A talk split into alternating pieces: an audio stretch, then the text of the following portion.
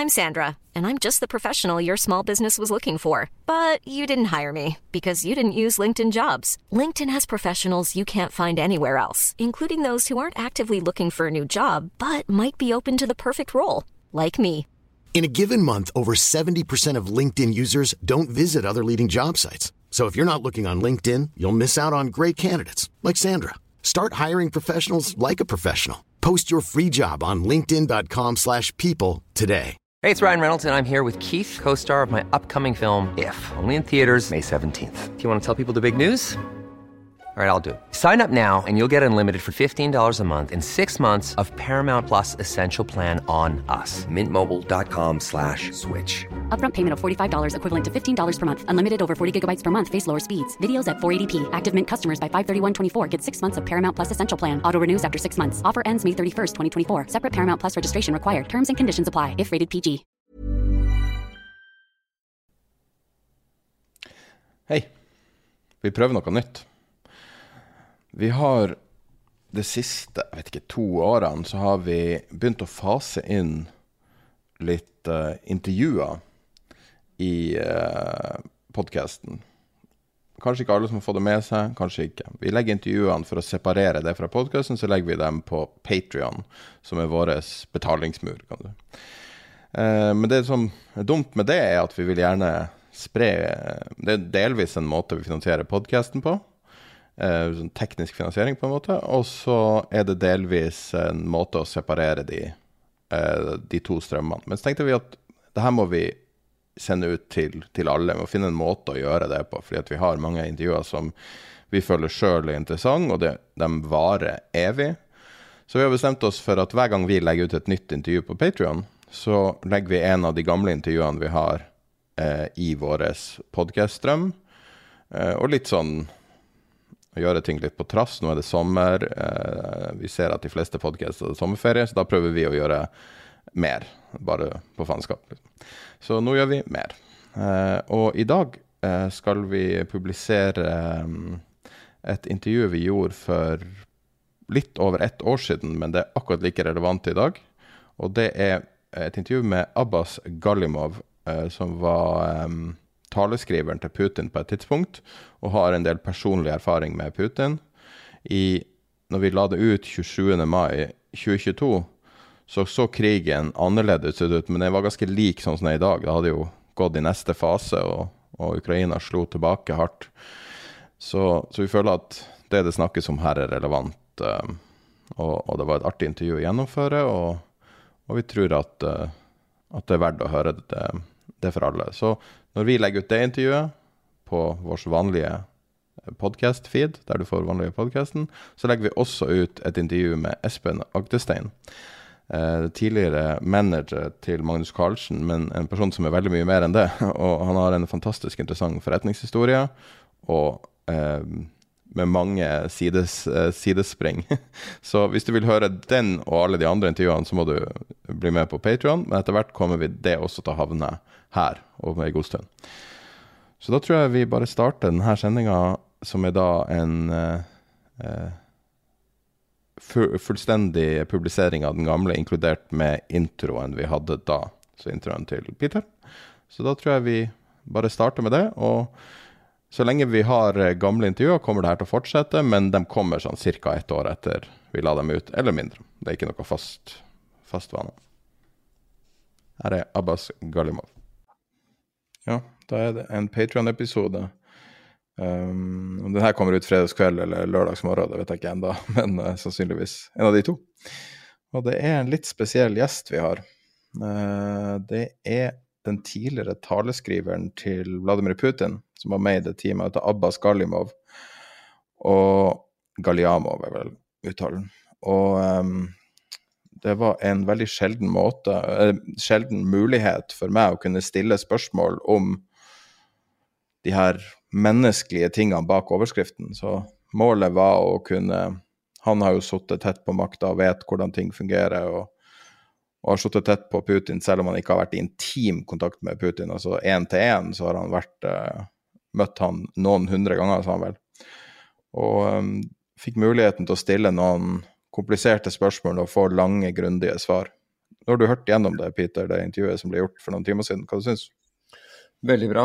Um, og det er jo spennende, fordi her er det en person som, som du nevner, som har vært tett på. Og kjenner Både kjente kretsen rundt ham på det tidspunktet han, uh, han var i Kreml, men fortsatt kjenner godt til, uh, til uh, persongalleriet rundt og hvordan det opererer. Så jeg, jeg syns det var kjempespennende. Det, altså Begynnelsen bekrefter jo veldig mye av det vi, og da tenker jeg de fleste sånn europeere, tror jeg da, tenker. Um, men du får mer bakgrunn for, uh, for uh, de synspunktene. Og det er nyttig i seg selv, mens andre delen må jeg si er overraskende slash avslørende for hva som foregår.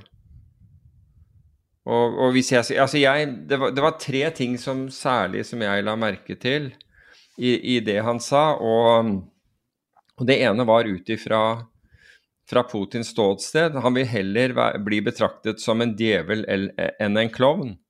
Jeg syns det var utrolig godt sagt. Um, så han han ønsker å være the hard man, med andre ord. Han, vil, vil ikke, vil ikke bli sett på som en, en klovn og en taper. Og det er vel for så vidt sånn som jeg oppfatter ham, um, men bare uttrykt uh, nesten poetisk uh, i, i, uh, i intervjuet. Den andre var at Putin da har egentlig og dette, han tar ikke den, uh, denne sammenligningen, det er det jeg som gjør, men har en gurka-filosofi. Og gurka-filosofien er jo Eller ikke filosofien, men en gurka, det er jo en nepalesisk leiesoldat, faktisk. Som, uh, som, som er i de britiske styrker. Så britiske styrker har gurka-regimenter. Og det er nepalesiske leiesoldater. og dette, dette, går jo tilbake i, i, tid, det er derfor man har uh, disse. Men de er de er utrolig bra soldater. Jeg mm, hadde også uh, enkelte Gurkha-soldater i, i, den enheten jeg, jeg tilhørte. Men Gurkhaen er bl.a. kjent for å ha en kniv som kalles cookery. Og når den kniven forlater sliren, så må den trekke blod. Så hvis en Gurkha-soldat drar den ut av sliren for å puste den, så må den kniven trekke blod før den kan gå tilbake igjen.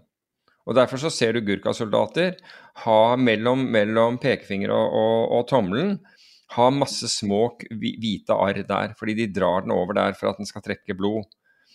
Og det er jo litt det som Og den parallellen brukes da i intervjuet, hvor han sier at kniven er kommet ut av, av, av sliren. Altså Putin har valgt å, å bruke makt og det, og, og, dermed så er det ikke slik at han, han bruker makt, og så er, det, så er, det, over umiddelbart. Altså, det er ikke sånn at man da kan gi seg eller plutselig komme til en forhandling. Det, det, var Det lå i kortene at det måtte trekke Altså i det øyeblikket makten var der, at det måtte trekke blod. Og jeg husker forut for, for uh, invasjonen av Ukraina, så kjørte man jo alle disse styrkene opp til grensen. Og så plutselig så, så kom det da beskjed fra russerne, de, eller fra Putin, at de trekker styrkene tilbake igjen. Og jeg husker vi diskuterte, og jeg sa det, jeg har ikke noe tro på dette. Jeg har ingen tro på at han trekker seg uten videre. Og det, dette er det, det han Det, det uh, taleskriveren refererer til her, er jo akkurat det det er jo at makten er, altså kniven er kommet ut, og, og han vil da, da, bruke den. Så jeg syns uh, jeg syns det var veldig in interessant. Og så var det den siste taken som overrasker meg. Um, at kan være på et sånt detaljnivå, men det er mulig at det er. Og, og, men også at han vet om dette. Men, men, han har kilder, og han nevner jo um, Abramovic mener jeg også kommer opp i denne i, i, um, i, i, det han snakker om. For øvrig, ble, han ble rik på råvarer. Vi skal sikkert snakke om det en gang også, men ikke i denne, i denne podkasten. Men det som det nevnes spesifikt massakren av sivile i Butsja. Og, og det inntrykket man sitter igjen med, er at Putin var fullt innforstått med den og nærmest ga klarsignal. Og det er jo helt vanvittig skremmende, syns jeg. Altså at, at soldatene, krigsherjede soldater, begår eh, krigsforbrytelser, det, det, er på en måte én ting. Det er like, like forbannet forbrytelse, bare så det, så det er sagt. Men at topplederskapet er kjent med det og nærmest godkjenner det, det er jo en helt annen altså det, Da må du tilbake igjen til, eh, til uh, krigen i, uh, i, Bosnia, hvor, hvor Hva het han? Ratkom Mladic ga rett og slett ordre altså hvor de, de, de Hvor hvor FN eller Nato var det vel som var inne der, Nato eh, snappet opp eh, radiokommunikasjon mellom soldater, altså en avdeling, og Mladic, som da var, var den serbiske hærføreren, hvor han gir ordre om, om massaker.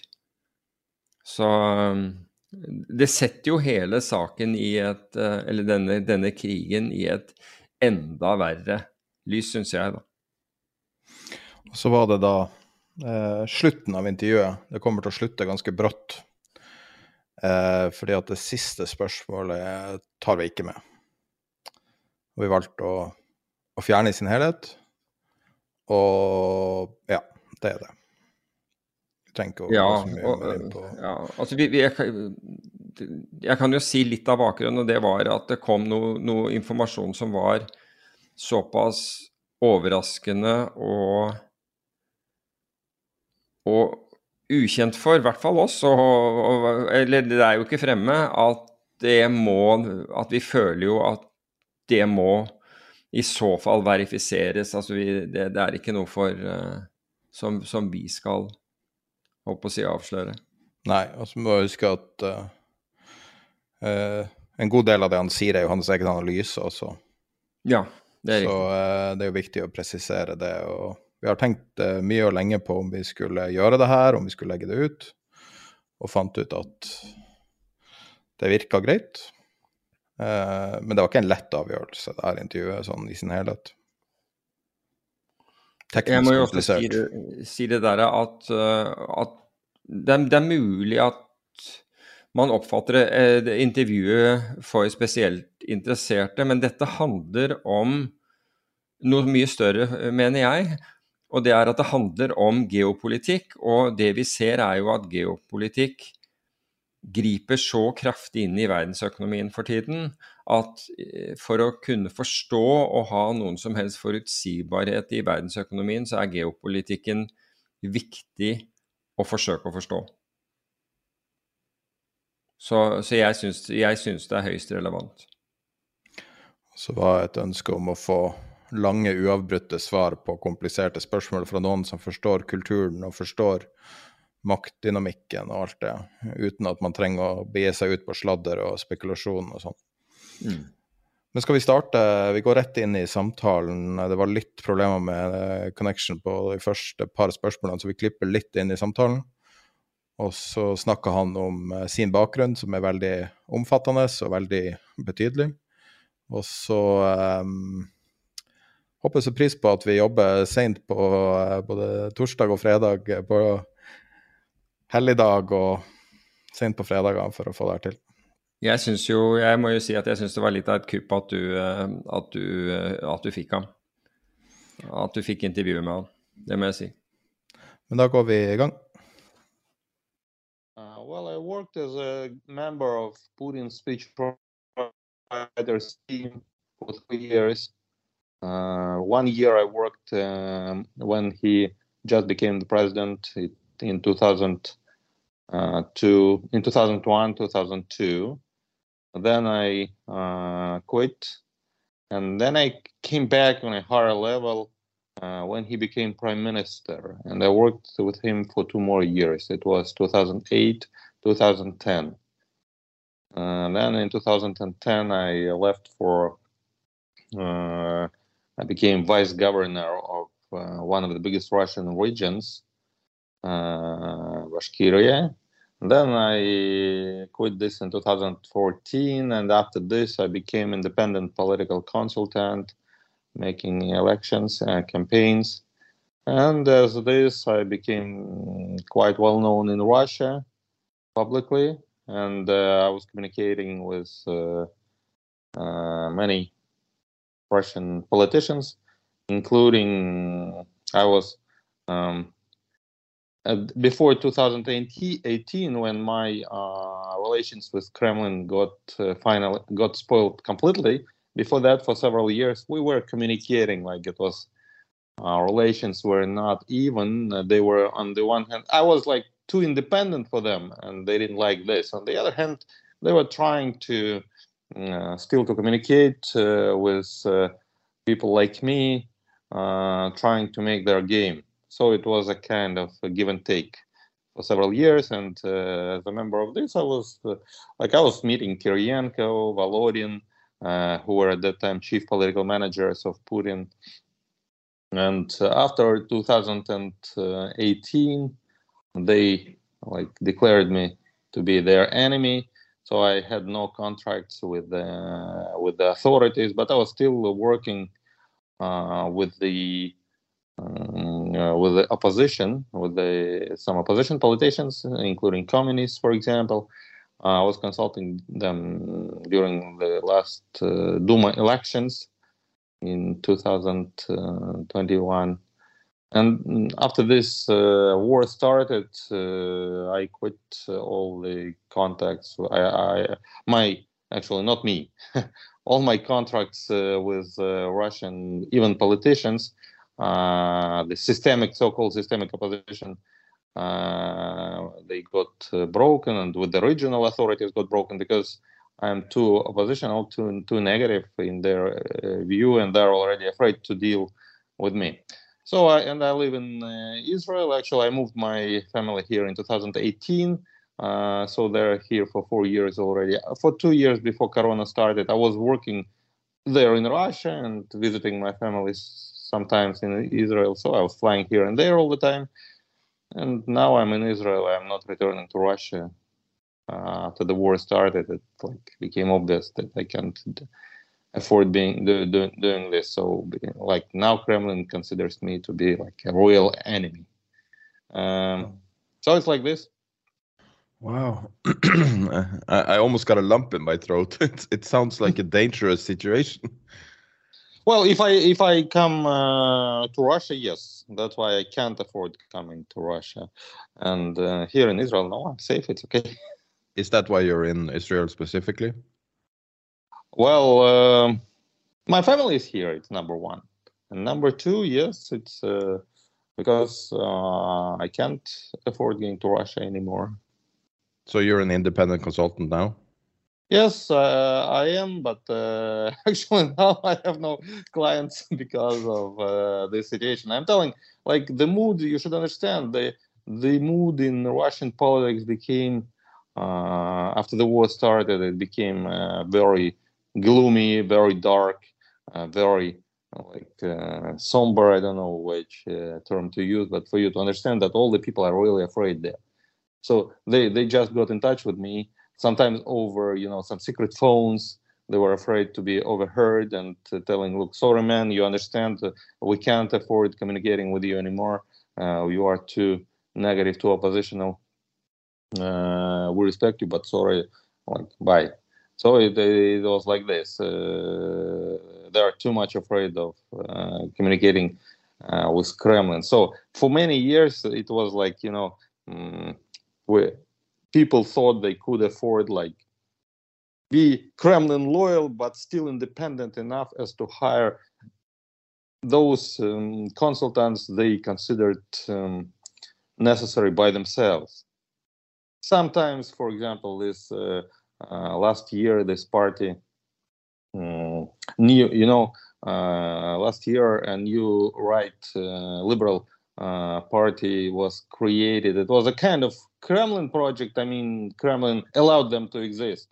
And uh, but still they were trying to show that they're independent. So they included me into their uh, board of consultants and they made a contract with me and i was consulting them. And uh, they were like um, and they want and i asked them like uh, you know that uh, kremlin hates me? They told okay look we, we, it's not that we like so much dependent on them like like we're trying to stay a little bit independent. So yeah we, we, we know that we can't criticize putin personally. Okay this is the rule of the game. But please don't uh like don't go into our inner uh, like uh, sphere uh, like uh, of uh, like our inner management. Like let us hire those people which we want uh, and we want him. We don't want like those loyalists which you have. We are still going to get these oppositional votes.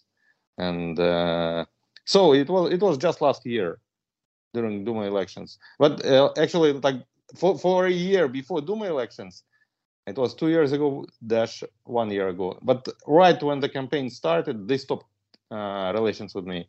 Probably at that moment they became too uh, close to kremlin already and uh, their independence stopped.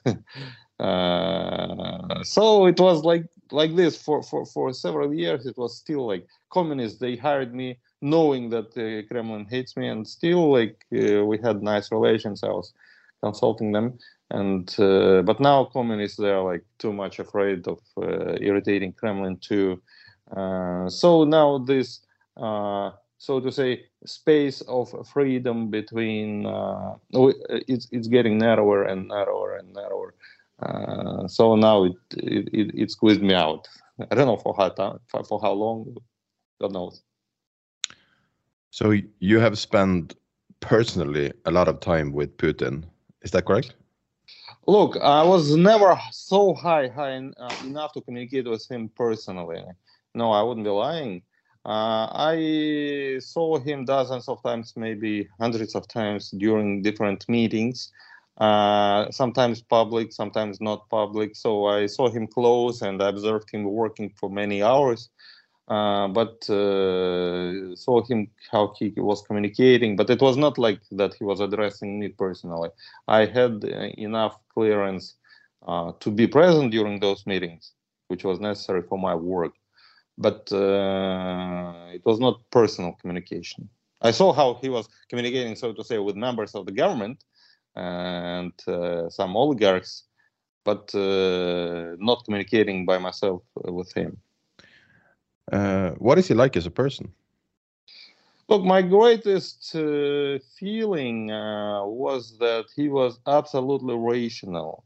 I never saw him losing temper, uh, no matter how like unpleasant uh, the then complicated the issues he was discussing were, and he was extremely like he was really he looked like a really good manager who can delegate uh, authority to uh, his uh, managers and uh, divide uh, like spheres of control between them and then listen to what they're telling and make decisions. And he was going into deep details. He could spend really like uh, he could spend the whole hour discussing um, how the uh, how the relations between the budget of the region and the federal budget should be uh, like made in view of all this legislation and the, and the activity of the prosecutors uh, general prosecutor's office so that it's everything is uh, like like some laws like some decisions made by the prosecutor's office and by parliaments they like uh, contradict contradict each other, and this is the, the kind of contradiction hamp ha hampering uh, the uh, hampering government uh, like to finance some like increase in pensions for the regional pensioners, for example, something like this. So it was like legal issue. It was the issue which was just for, for lawyers. Yes, and he was really going into deep details and for he could discuss it with his ministers and governors for for one or two hours easily.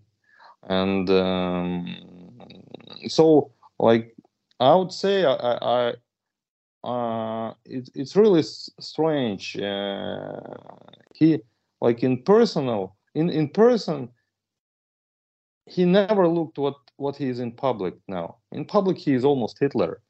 In uh, in person he was just a good manager. But i should admit first of all last time i personally it was um, something like okay when i stopped uh, working for him in 2010 but after this when i'm working in, in the region i think once or twice uh, no, it was Medvedev. It was not him. So I, I, I, never saw him after 2010 in person. So maybe he changed. It's number one. And uh, number two is that um, whenever when I saw him being so logical, he was always discussing issues which were not of like huge political importance. They were important from the point of view of like administration of the system like how you administrate the system. Uh, you know, not everything the government does is political, right? So when when it was not political, when it was like something where okay, I can make this decision or I can make that decision, and publicly, it doesn't mean for me anything. Politically, it, it, there is no meaning in it. It's important from the point of view of efficient structure functioning of, of the government.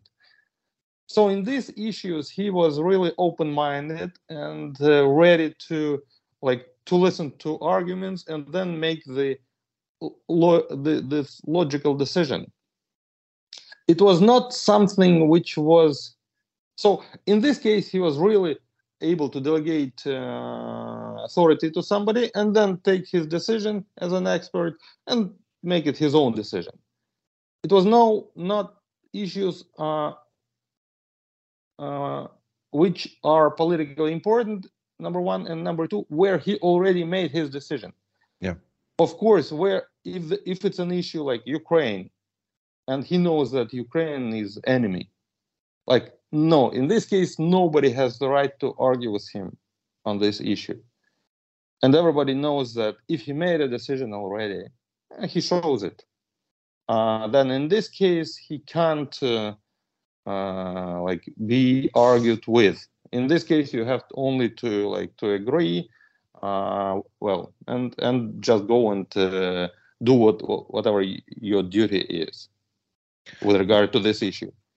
Uh, if we look back on Russian history, uh, there are some things that are repeating over the centuries, and I'm thinking back to the in 1986 when the Chernobyl disaster and some things were highlighted in that the handling of that where it seemed that the, the upper management gorbachev didn't get correct information because the it was penalized down the system to be negative or or give bad information. So it amplified up the system. Do you think that is still going on? Is he getting correct information? Is he getting good intelligence from his services that's what I'm telling. Uh, with regard to those issues which he has not yet decided upon, then he, there he's getting absolutely adequate information from them. People know that in, they should tell him the truth. Uh, and the, in this case, they cannot afford lying to him. But if they know that this is the other type of decision, totally different story with regard to those decisions which he already made he like everybody knows his position on Ukraine. So in this case, you can't come and tell him, "Look, uh, you are wrong. Ukraine is not like this. It's like that." What happens if you do do that? Well, you will uh, at best you will lose your job. It's uh, at best. Uh, he will be really angry with you. Uh, you you can't like it's it's unimaginable. Like there are now no people around him who who are able to argue with him. You should understand. No, no, they are like absolutely. I saw them. They were speaking absolutely freely with him. He was not authoritarian at all, but it was uh, his goodwill. It's not that like institutionally he was limited. No, he he could uh, easily chop their heads off, like literally. Nothing could hamper him.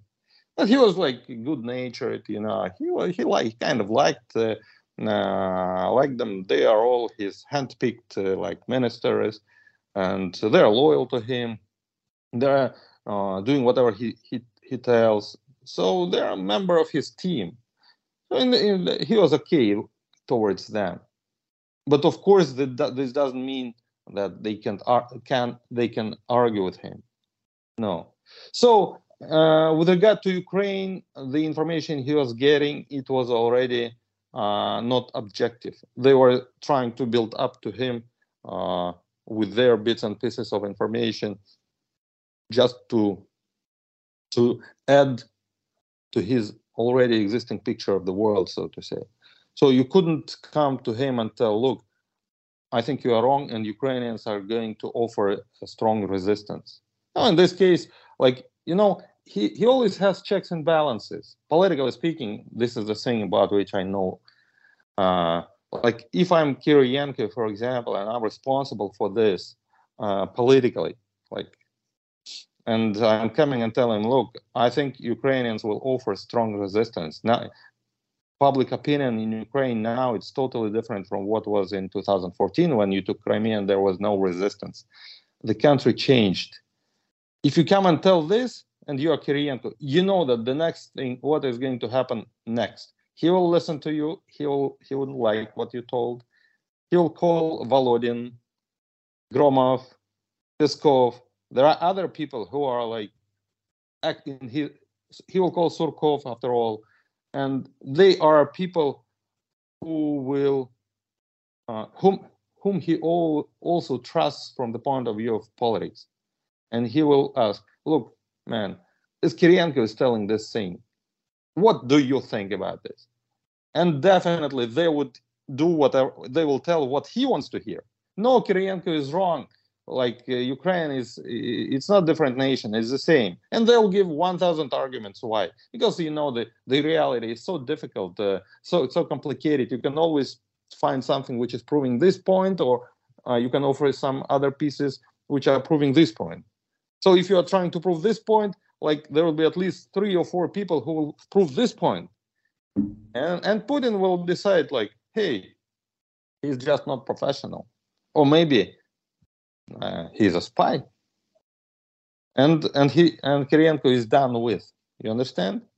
So when uh, I'm a I'm Kiriyenko and I'm telling look Ukraine is weak and they're not going to offer strong resistance I know that maybe it's not like this and maybe he, if he attacks Ukraine he's going to find out, find it out and then maybe I will have a problem because I lied to him but this may be several times if they offer resistance, if he attacks, maybe he wouldn't attack.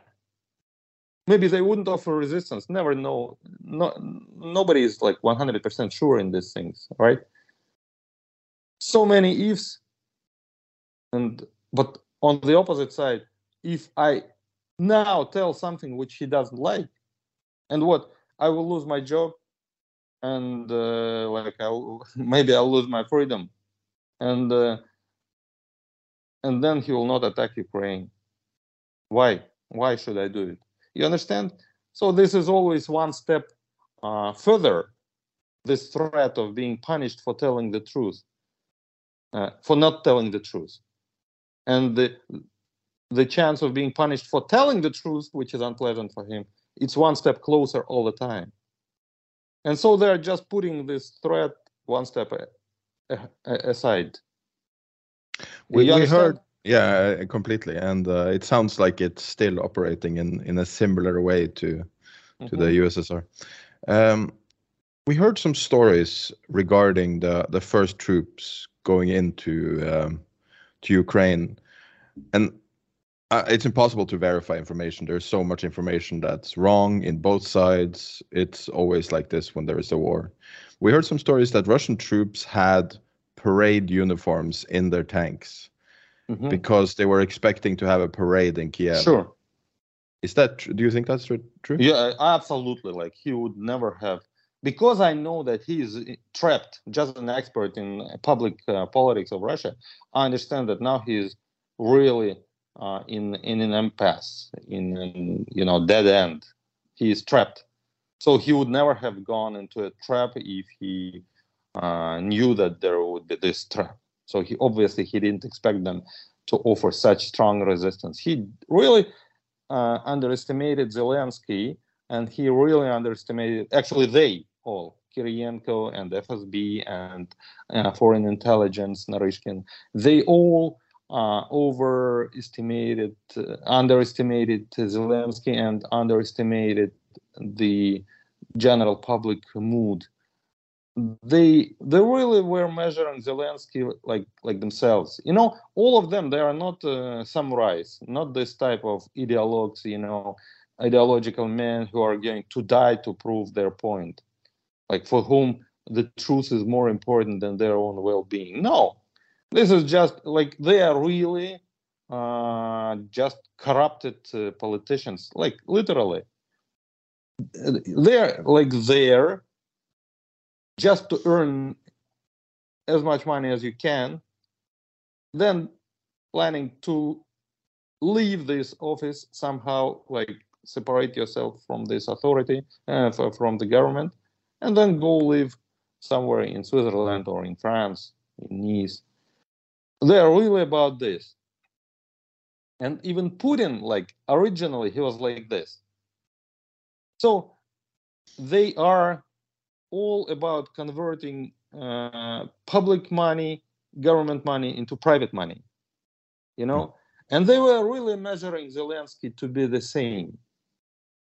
And any of them, Putin including, if they had been there on his position, they would have done this exactly this just left the country and flew away. Was that this the key so... was that the key moment when zelensky didn't leave? And when he didn't leave when he told this uh, famous phrase i don't need uh, like I, remember? I, I don't need a ride i need ammunition. Yeah right. They just they didn't understand that he was an actor and which actor would agree to lose the role which any actor can only dream about. wow, he, he that's a great the, analysis. That's a great analysis. He like he really like you, an actor can only dream about this. This is once in your life that you get this chance, and like ninety nine point nine percent of actors in the world they never get this chance. And That's the best analysis I've heard of Zelensky so far. Wow, you really probably nailed it because actors Thank you. yeah, they, they, gave they gave him audience. He actually uh, he should be grateful to, to, to them. They gave he was who was he was? He was uh, just like an actor who became a provincial actor like in a provincial country who just accidentally by chance it was a protest voting. It was not voting for zelensky. It was voting against the system. So he, he became president by just by chance his anti rating was higher than his rating just before the war started. He was really get, risking losing the next elections and becoming in history like one term president. And then all of a sudden he turns, he gets a chance to become like the hero of the world. And of course he would never lose this opportunity. And they thought that he would lose just lose this opportunity and go for money and uh, and uh, personal safety just because they are like this they would what, have done it. What's so interesting is that method acting to live a role is literally a Russian invention. So they probably should have understood this. Method acting was invented in Russia. That's so interesting, the analysis. This has been talked about for months now, and nobody has come close to breaking it down like that. I'm very impressed. Mm-hmm. Thank you very much. no, that genuinely, like you caught me off guard completely with that. Uh, no, actually, I wrote it in my Facebook, but it was in Russian. yeah. I, uh, so my Russian audience, yes, they appreciated it. I remember I liked like one. I I got something like 1,000 likes or something and uh, about this. So uh, that was uh, their tragic mistake. So he Putin really expected that it would happen something like it was to, in 2014. They would just cross the border Ukrainians will surrender, Zelensky will flee to to to America, and before West manages to unite, you know, they would start arguing between each other, holding parliamentary hearings. You know, West is in their belief, West is very slow and non like eh, how to say, you know, uh, unable to like uh, brace up, to unable to act quickly and resolutely. They will go into discussion and uh, stay there for months uh, without being able to make decisions. And before they manage to do to make any decision, we will be out of Ukraine already. The regime would be changed. There would be somebody else, somebody loyal, like you Yanukovych, for example, or somebody else and uh, we would be out and it would be like with crimea. And too late to impose sanctions because like it's done already and uh, that's what he was expecting to happen. And uh, and that was his uh, strategic mistake. And now i'm sure he's absolutely angry. He's mad with all his intelligence and with all his military. He is absolutely sure that they let him down and uh, the only thing which uh, still keeps them alive is uh, that uh, he he is trying to show that everything is going according to his plan, and if he starts firing them or putting them to prison, uh, that would mean that something is going wrong, and he can't afford showing uh, that something is going wrong. You know, he is. this um, you know his legitimacy you should understand that his legitimacy is totally different from legitimacy of Western politicians. It's not about uh, legitimacy of a person who was elected legally, for whom the voters voted, or the person who has some moral standing, like Obama, for example, uh, with his message. Uh, he is just his legitimacy is based 100% based on the perception that he is strong and he's going to win anyway and he's going to be the president anyway no matter what. And he's always defeating his enemies. So it's just useless to resist. If you resist you will just lose. He will squash you. And uh, this is the, uh, the, thing which he uh, his legitimacy is based on. And as soon as this idea of his weakness appears his legitimacy is uh, ruined completely. It's like with you know this book of Jungle of Kipling, this Akela which missed, and uh, you remember this story, yes? Uh, as soon as he missed, that's all. His rule is over. Is, so, he not legitimate anymore? Do you think that? Uh, he's losing ground, of course. So far, the process is just beginning. It's not going to happen overnight like people see that the war continues so what if he wins still? Maybe now okay he is weaker now because like he's he didn't manage to make a blitzkrieg and win it uh, within like three days as they were promising. Because you know for many years they were promising that the russian army is so strong that they would uh, within the matter of like uh, this uh, three weeks they would uh, come to la manche. They would cross the whole europe. As for ukraine they were like arguing if it's two two days or three days that we need uh, to conquer Ukraine completely to take Kiev. And uh, so, of course, uh, the expectations were high, and now the moods are low because they didn't play up to expectations. It's like this feeling of defeated expectancy, of course. But still, uh, there is like the, the the game is not over yet. Okay, maybe he will win, not so easily as we expected, but still he would manage to win. So people are watching but they're already having doubts. It's both about the general public and about elites. And he feels this. He is uh, like mad. He is at a loss. Obviously, he is choosing between what to do negotiate or continue military pressure. And he's doing both at the same time. And uh, he gave, you know, his authority as a mediator between um, different groups of elites uh, became like lower, weaker. He's that's why they're publicly arguing with each other more uh, than before. They would uh, some things, some of the things which are happening now, like argument between Volodin and Turchak, which happened yesterday when they were just blaming each other, uh, publicly. Uh, you really can't imagine, couldn't imagine this happening just three months ago. Because everybody knows Putin hates his people arguing publicly. They cannot, they can come to him to complain ag- against each other, and uh, he will be solving uh, the problem, deciding who is, uh, which decision to make, whom to punish, whom to promote, whom to support. Yes, but this this couldn't be done uh, publicly. This is a story which happened something like a little more than ten. Um, let me recall when it happened.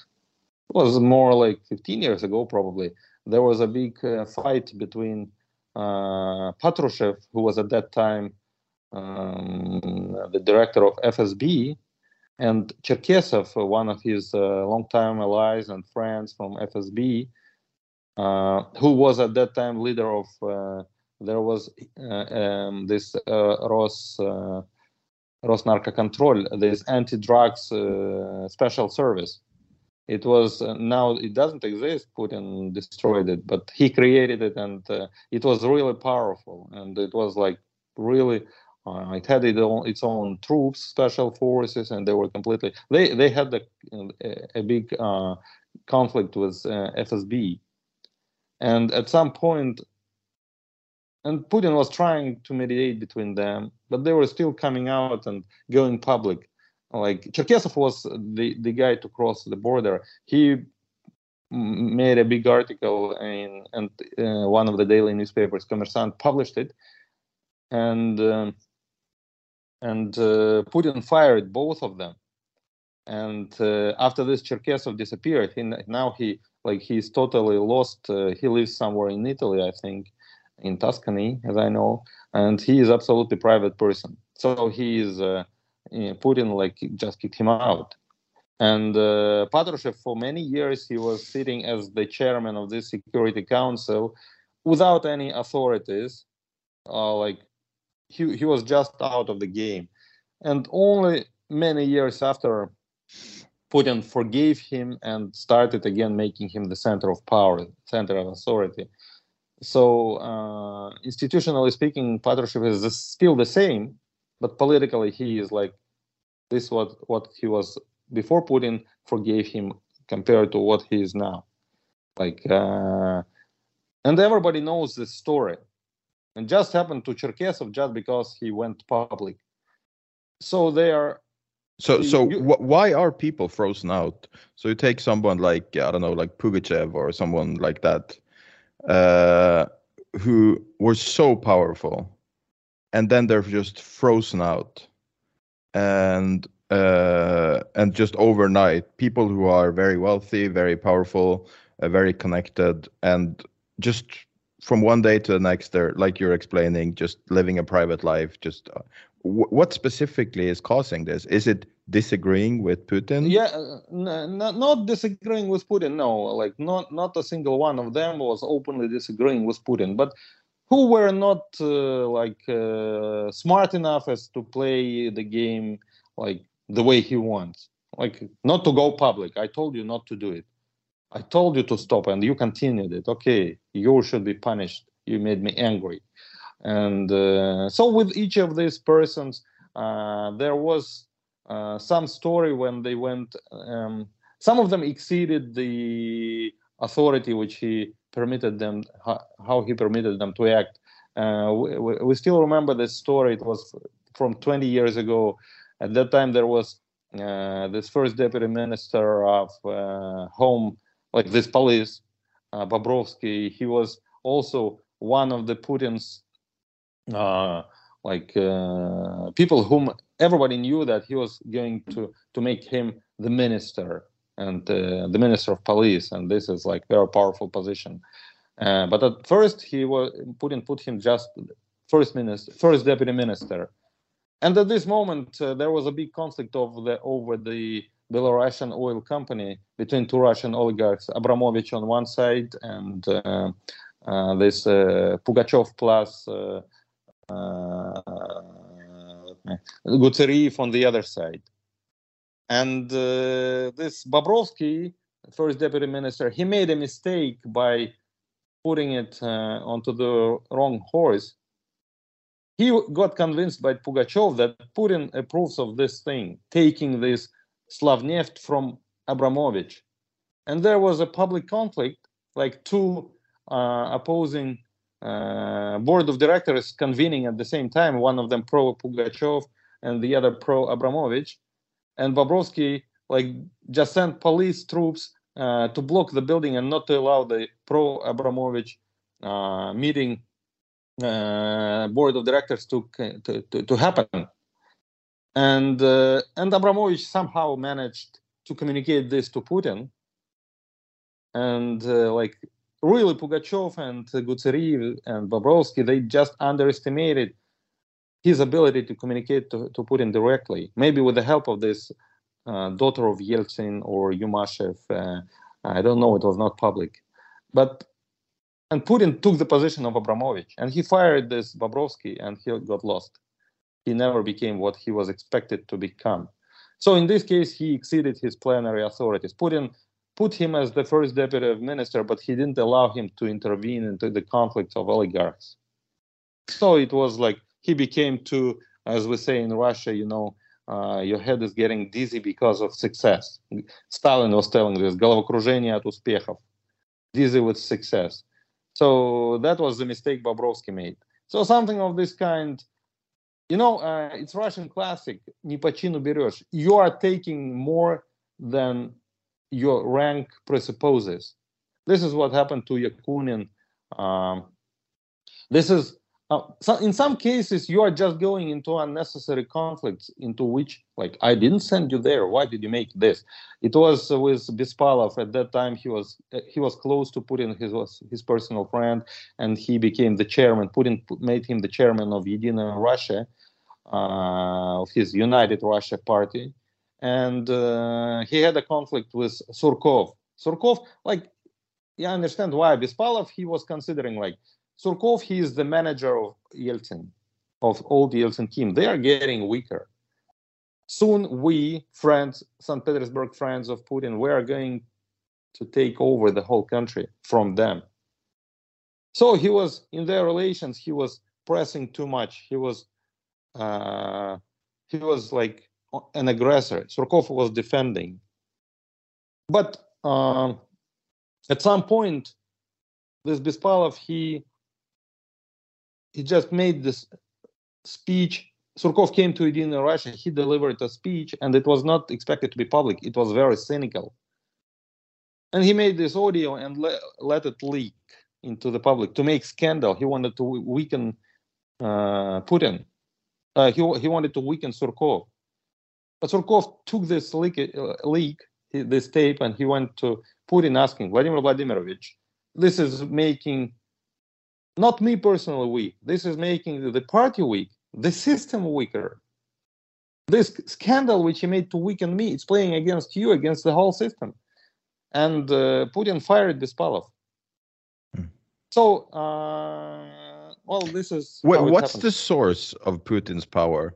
I've heard, uh, or I read an analysis once that said that natural gas was the real key to Putin's power inside Russia where there was a, a natural gas subsidy, which was uh, one of the sort of um, the ways to endear himself uh, to people, at least early on. Is that correct, or or is that a wrong assessment? No, the the original source is uh, his control of Siloviki.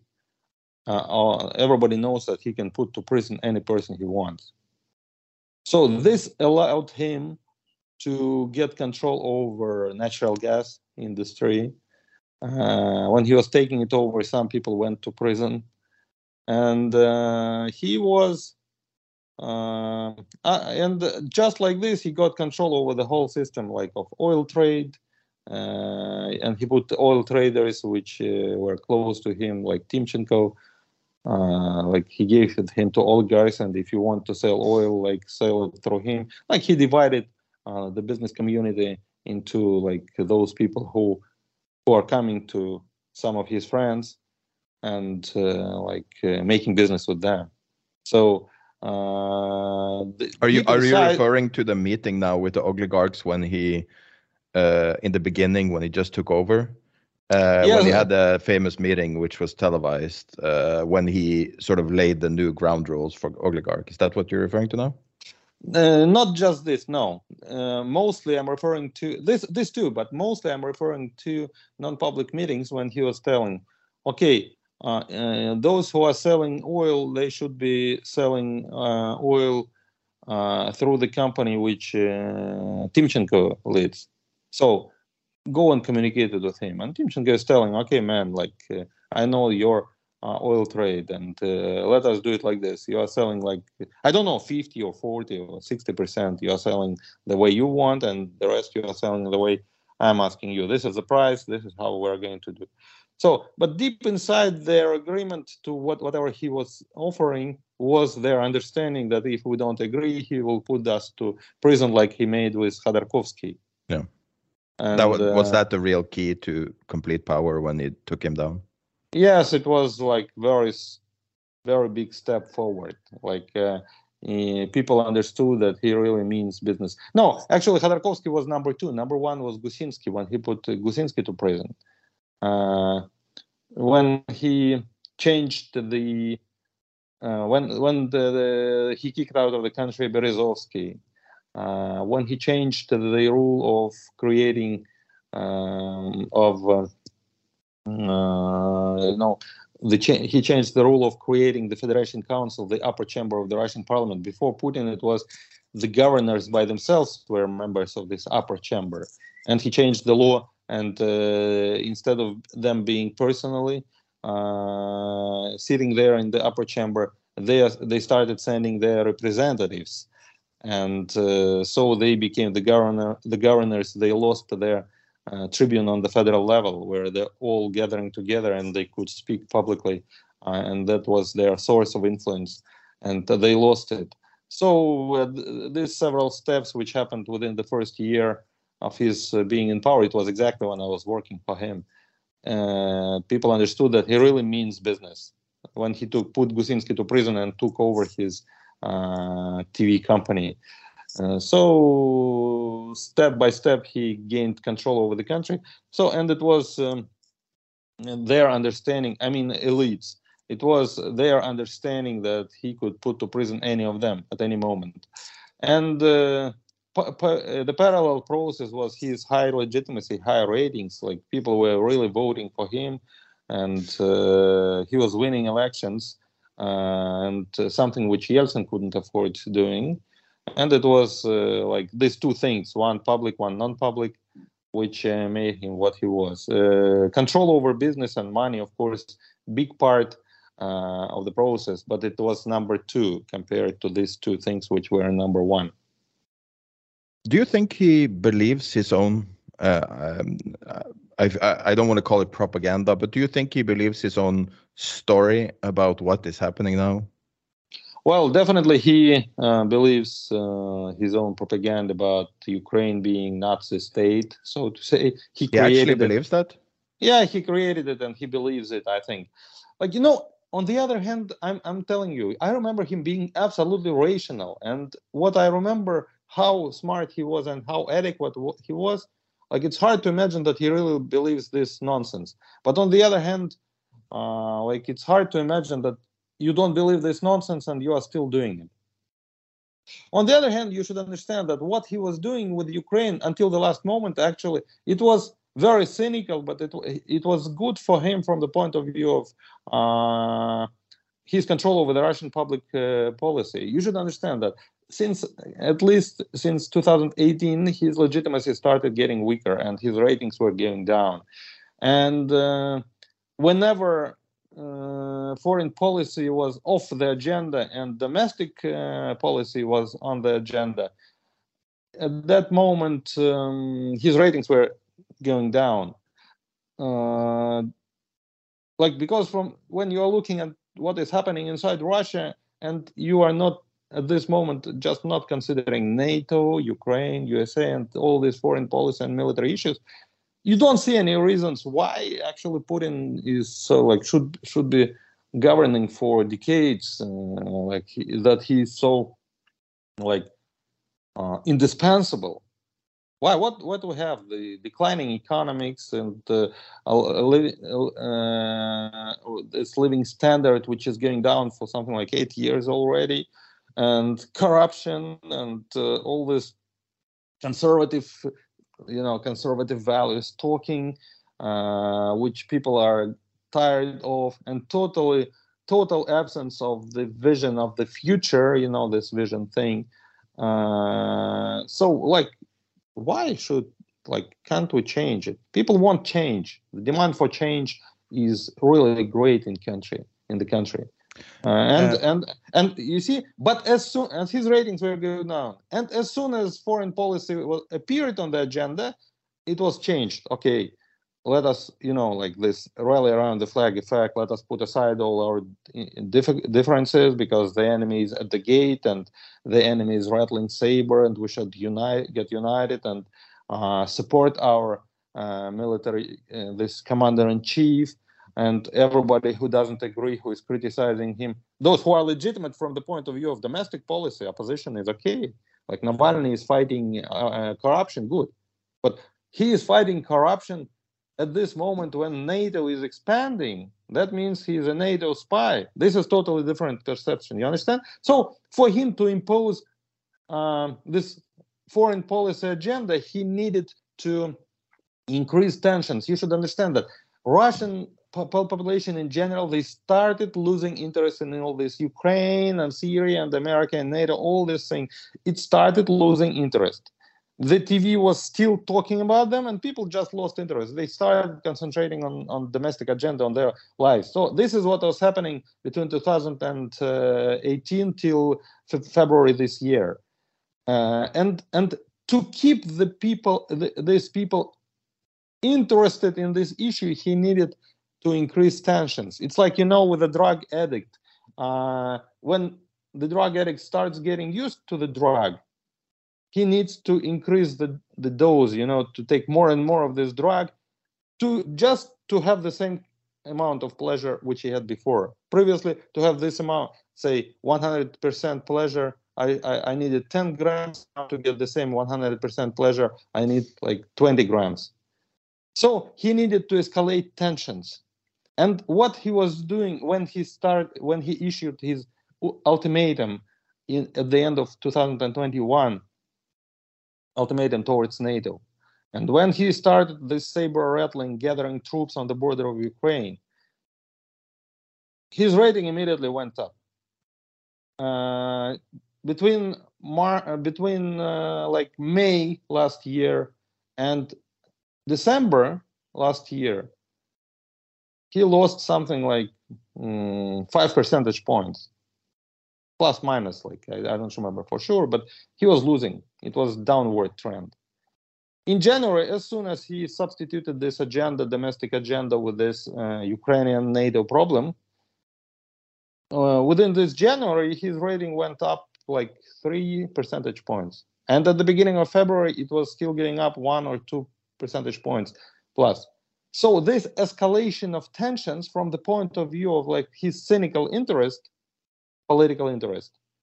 It was working.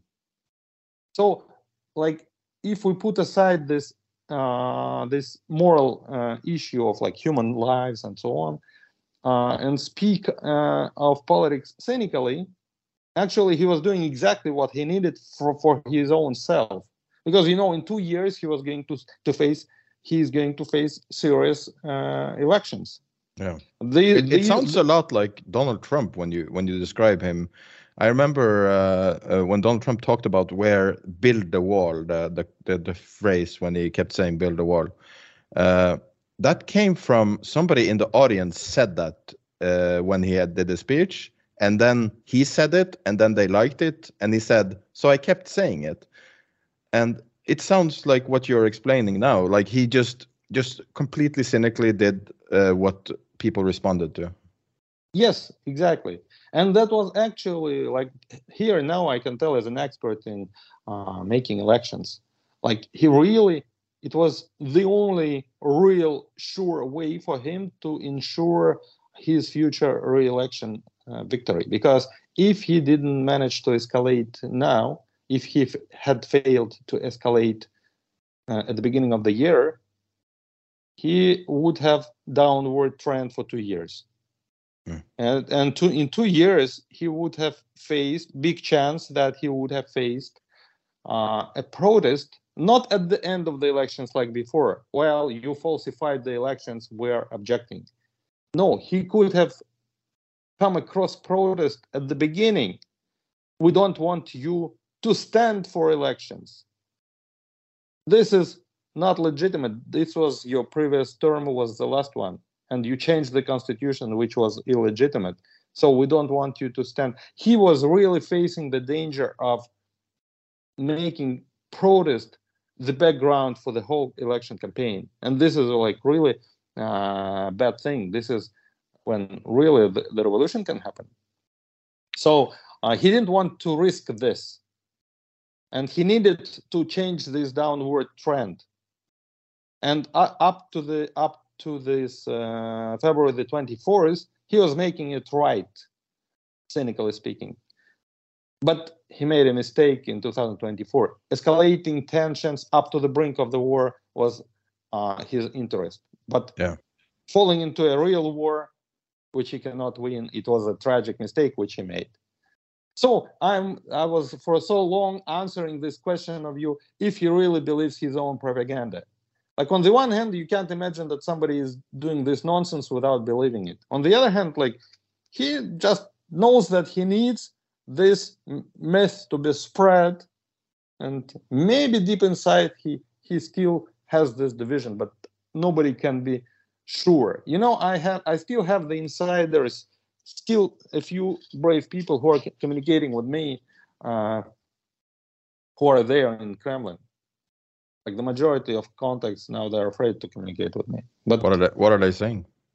and they you know they are telling that they're going to these meetings and they're telling that you know uh, even in private discourse many of them like they're really like Kirienko comes out from Putin and he makes the meeting and he's really telling that Ukrainian Nazis blah blah blah blah blah blah even in private with his own uh, most close people like Novikov. And Novikov is coming and making the meeting with his people, and those people are calling me after this meeting, and they're telling, "Look, Novikov came from Kirienko, and he was really telling this Nazi, blah blah blah blah blah blah," and like it seemed like he really believed uh, this.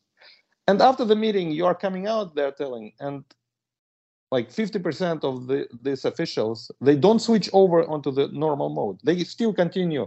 You are still you are just communicating with him personally. You know him for many years, and he's still talking about there are Nazis, blah blah blah. And the other 50%, they are switching over to normal mode and telling, look, this is awful, this is nonsense, of course, this is, I'm sorry, this is bullshit. This is like, this is not normal, but uh, well, we can't stop it. So we have to do our job. Uh, we don't have any other option. The system is working like this. So this is a decision we cannot argue about. So let's do it. They, deep inside, they understand. And they even agreed to share it with you, their private opinion. But I'm telling you, but but they still continue doing what they're doing. Yes, but this is only like half of the people, roughly speaking. The other half is not speaking this openly, even in private discussion. And I'm telling you, they're still talking about uh, this Nazi thing. So it's really hard to understand if Putin believes it. Uh, this is all I can tell. I'm sorry. Do you think he, do you think he's sick? You mean there's uh, cancer rumors? Well, he looks visually looks very different. Yeah, well, obviously he he looks bad, and I believe that actually I wrote it um, something like one month ago that um, I was thinking about the future, and like we are always discussing that one uh, variant is like coup attempt, the other variant is like uh, you know public protest, uh, like revolution, orange scenario. But actually, I wrote that this pressure on on him personally now is so heavy it's crushing. Like he really made a great mistake. He nullified the, everything he was making for uh, 20 years. And and like this pressure is so strong he, he can just break up physically. And maybe like most probably it's not going to be cool.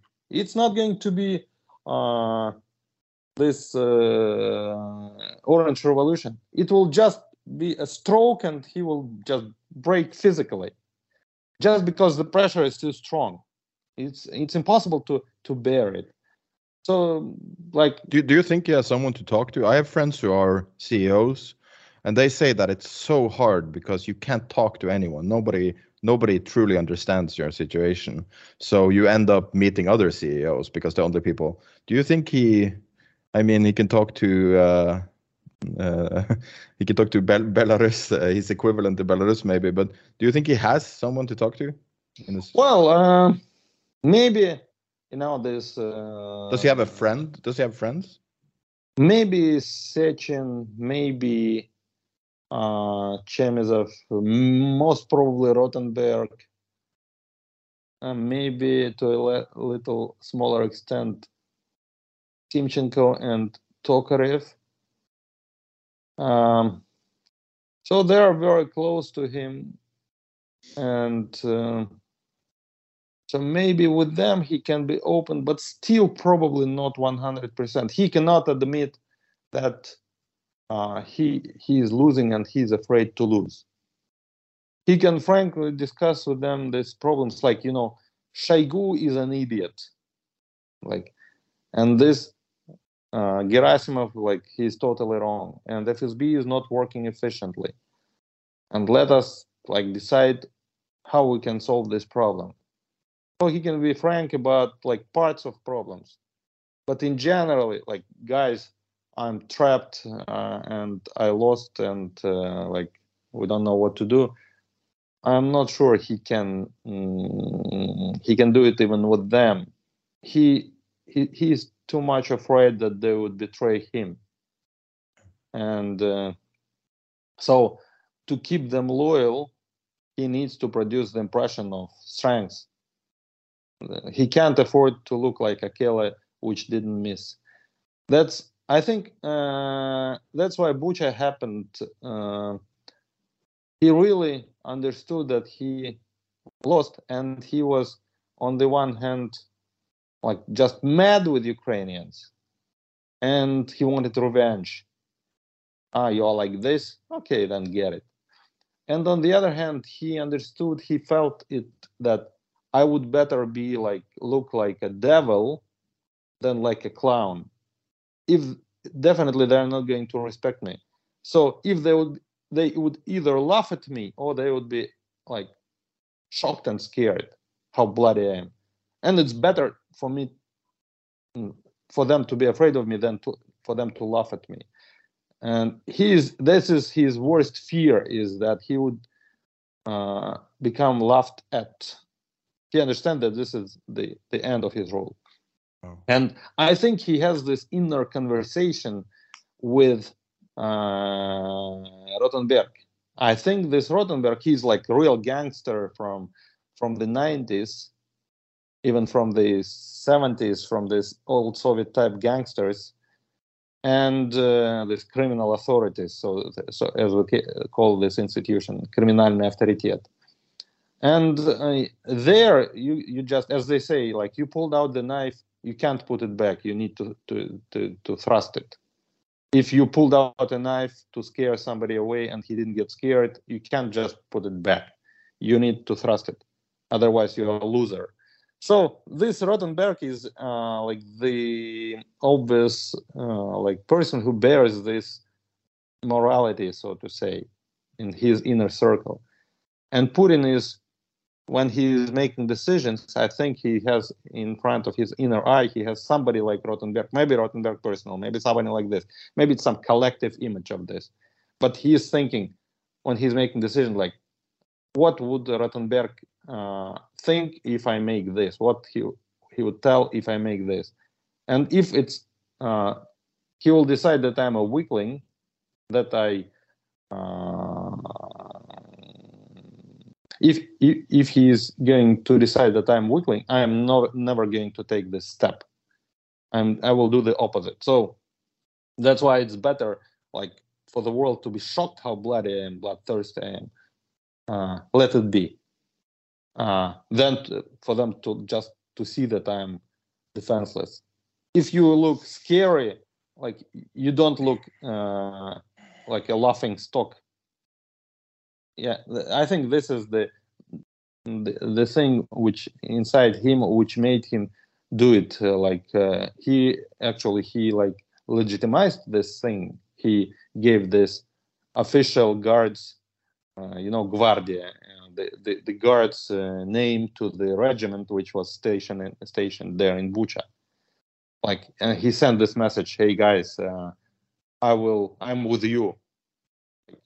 Don't, uh, don't uh, like, don't think that I will let you down." Um, he he he preferred this kind of message. He did he didn't want to look like the person who um, I'm sorry, I'm trying to find the word. Uh, Drognal, who buckled down, I think. Drog is that a friend?